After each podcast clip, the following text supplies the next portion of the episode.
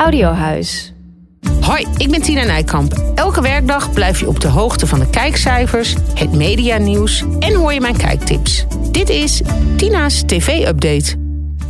Goedendag, het is maandag 12 februari, een nieuwe week en natuurlijk ook dus elke dag weer een nieuwe podcast. Met vandaag weer kijkersvragen, een kijktip, kijkcijfers, maar nu eerst het medianieuws. En Ruben Nicolai die had gisteravond in Beste Kijkers vertelde die zelf een leuk medianieuwtje is, namelijk dat hij... Uh, ter land, ter zee en in de lucht gaat presenteren. Dat programma komt dus terug op RTL 4. Niet zo gek, want vorige zomer was dat een enorme hit. Hè? Dat was toen 50 jaar ter land, ter zee en in de lucht. De Avrotros stond dat toen uit. Vier afleveringen met hoogtepunten en nou, hele grappige fragmenten daarin. En dat scoorde als een tierenlier. Hè? Meer dan 1 miljoen kijkers, 1,2 miljoen kijkers. En ook in de jongere doelgroep 25 tot 54 jaar, maar liefst 30 procent. En dus moet RTL 4 hebben gedacht, nou, dit is een buitenkansje. Dit gaan we doen in de zomer.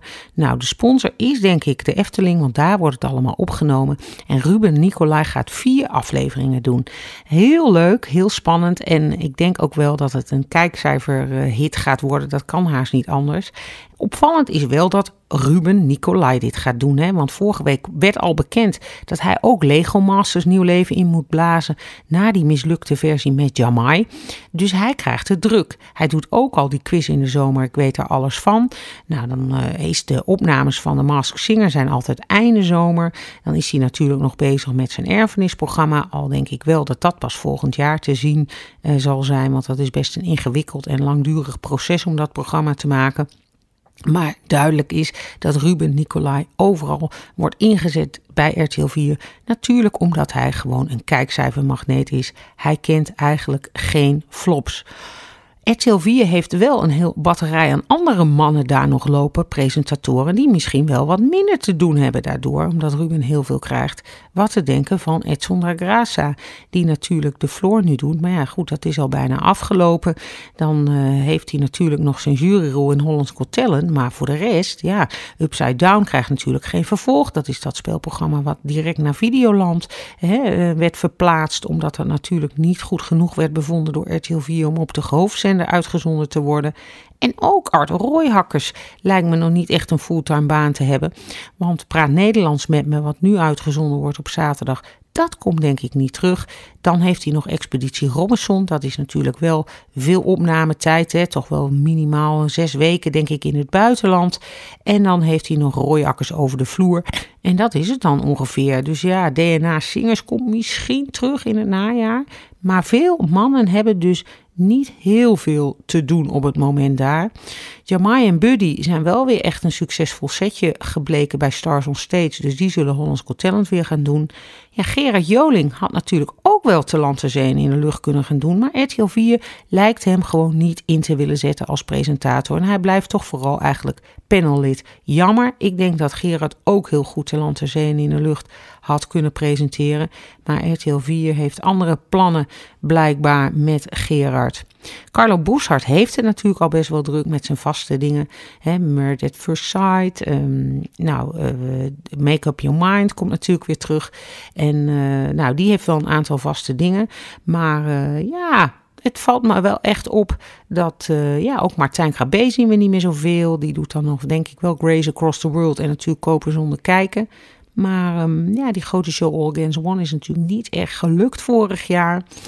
En uh, ik ben eens even gaan nadenken. En het valt me ook op sowieso dat RTL helemaal geen vrouwen heeft primetime. Eigenlijk alleen Chantal Jansen.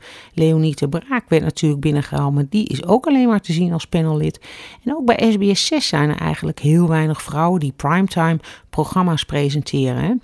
Alleen uh, ja, Wendy van Dijk, maar die is dan nu even tijdelijk uh, niet inzetbaar. Die doet af en toe iets. En Linda de Mol met Miljoenenjacht en Ik hou van Holland. En dat is het ongeveer. De rest wordt ook daar primetime bevolkt door mannen.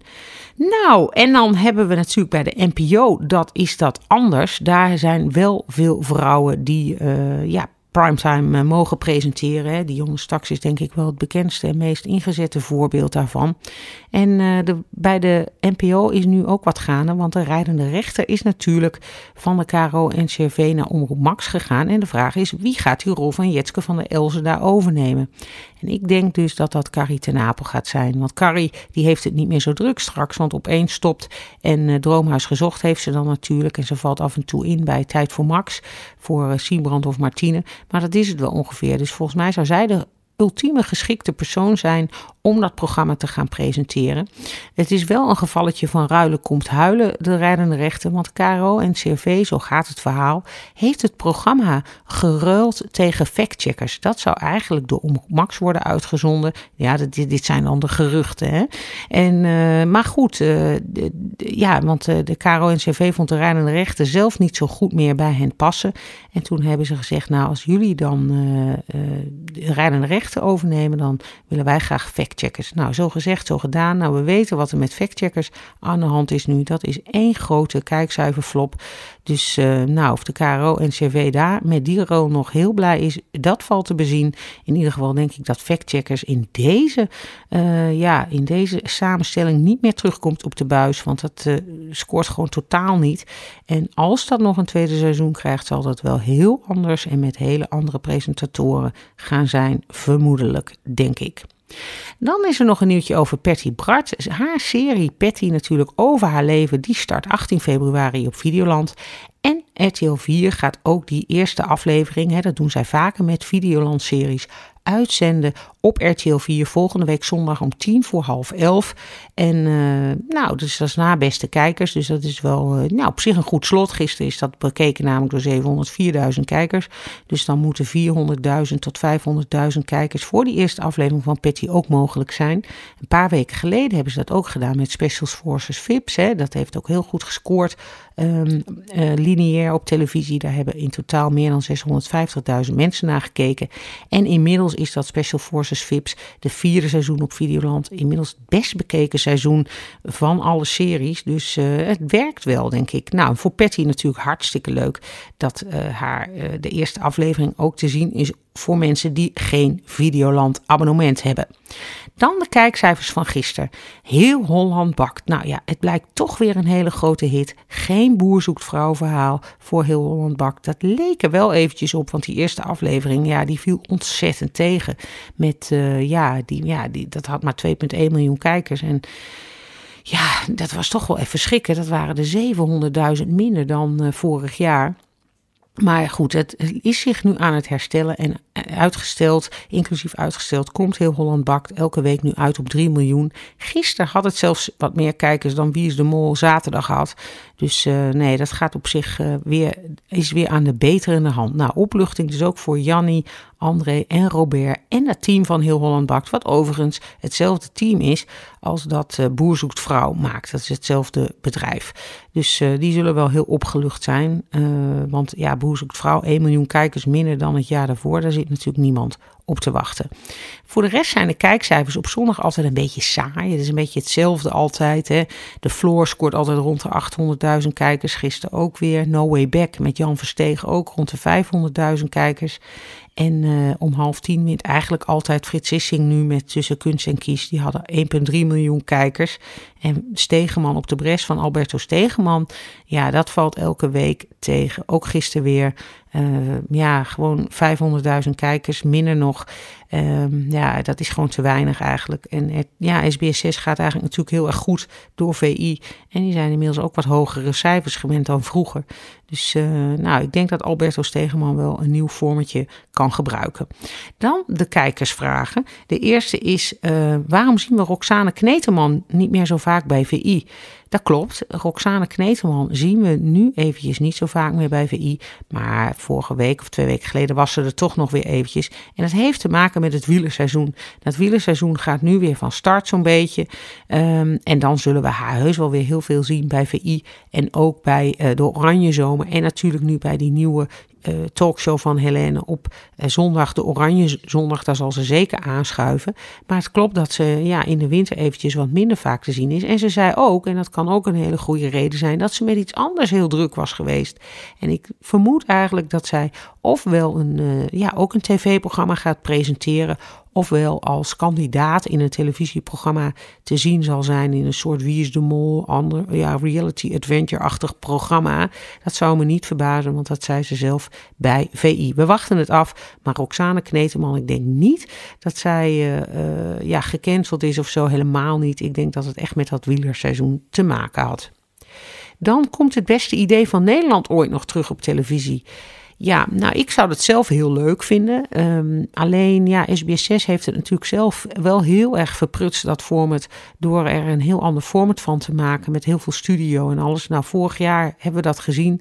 Gordon presenteerde dat. Het was zijn laatste programma voor SBS6. Het heette Wat een uitvinding. Ook een hele lelijke titel, vind ik dan zelf. En uh, ja, het beste idee van Nederland, ja, de originele vorm waar het veel meer ging om die audities. Dan kwamen mensen met dichte dozen binnen met dichte boksen. Met hun idee daarin eh, helemaal uh, afgesloten. Niemand mocht dat zien. En dan mochten ze in zo'n hokje vertellen, een auditietje doen waarom hun idee in een minuut, waarom hun idee heel goed was. En dat waren ook altijd die afleveringen, de auditieafleveringen noemden we dat in mijn tijd, die heel goed bekeken werden. En eigenlijk wat SBS6 gedaan, heeft gedaan, heeft al die audities eigenlijk helemaal in de prullenbak gegooid. En eigenlijk alleen maar met de tien beste of zo verder gegaan. Ja, en dat scoort helemaal niet, want niemand is geïnteresseerd in de ontwikkeling van zo'n idee, maar vooral in het idee zelf. Wat is het grappige eraan, het opmerkelijke eraan. En niet uh, hoe dat verder ontwikkeld wordt. Dat zal allemaal wel. We willen eigenlijk alleen het idee zien en daarna dat het in de winkel uh, ligt. Dus tip voor SBS6, breng die audities gewoon weer terug. En je zult zien, je hebt weer een goed scorend programma. Wat er heel leuk aan is, is dat het eens een keer wat anders is dan zingen en dansen. En uh, het was een andere soort talentenjacht. En met Toosk en Henk-Jan Smits toen scoorde dat echt de pannen van het dak. Dus uh, nou, ik hoop dat ze misschien hier naar luisteren en daar wat mee doen. Overigens is het wel zo uh, dat het beste idee van Nederland, de titel, die is uh, ja, van Bernd Schneider. Dat is die uitvinder van de vacuüm. En hij is vorig jaar, eind vorig jaar helaas overleden. Hij was al wel wat op leeftijd. En nou ja, misschien dat zijn zoon dan die rol als juryvoorzitter over zou kunnen nemen. Volgens mij is hij ook verder gegaan met dat bedrijf van vacuüm. Um, dus nou, ik zou dat gewoon doen. En dan uh, zal SBS6 echt wel weer een hit hebben op die zaterdagavond, denk ik. Um, dan, wat is het duurste programma van de publieke omroep? Ja, dat is denk ik het journaal met al die correspondenten en alles. Ik denk dat dat heel uh, ja, het duurste is, samen met al die sportrechten en zo. Maar uh, dat is natuurlijk wel heel veel duurder als je elke dag een uitzending moet maken dan bijvoorbeeld tien keer een aflevering van Boer zoekt vrouw. Dan tot slot de kijktip. Dat is voor vandaag met het mes op tafel. Sjoerd van Ramshorst gaat Herman van der Zand opvolgen in die quiz, in die populaire quiz. En die is van vanavond om tien voor acht elke werkdag te zien op NPO 2. Nou, ik ben heel benieuwd. Ik denk dat het heel leuk wordt. Hij lijkt ook een beetje op Herman van der Zand qua karakter. Denk ik. Ik denk een beetje dat hij hetzelfde gaat presenteren. Maar we gaan het zien. Kijken dus vanavond. Dit was het. En een fijne dag en tot snel. Dit was Tina's TV-update. Heb jij nou ook een vraag? Stuur me een berichtje via Tina Nijkamp op Instagram. Tot morgen!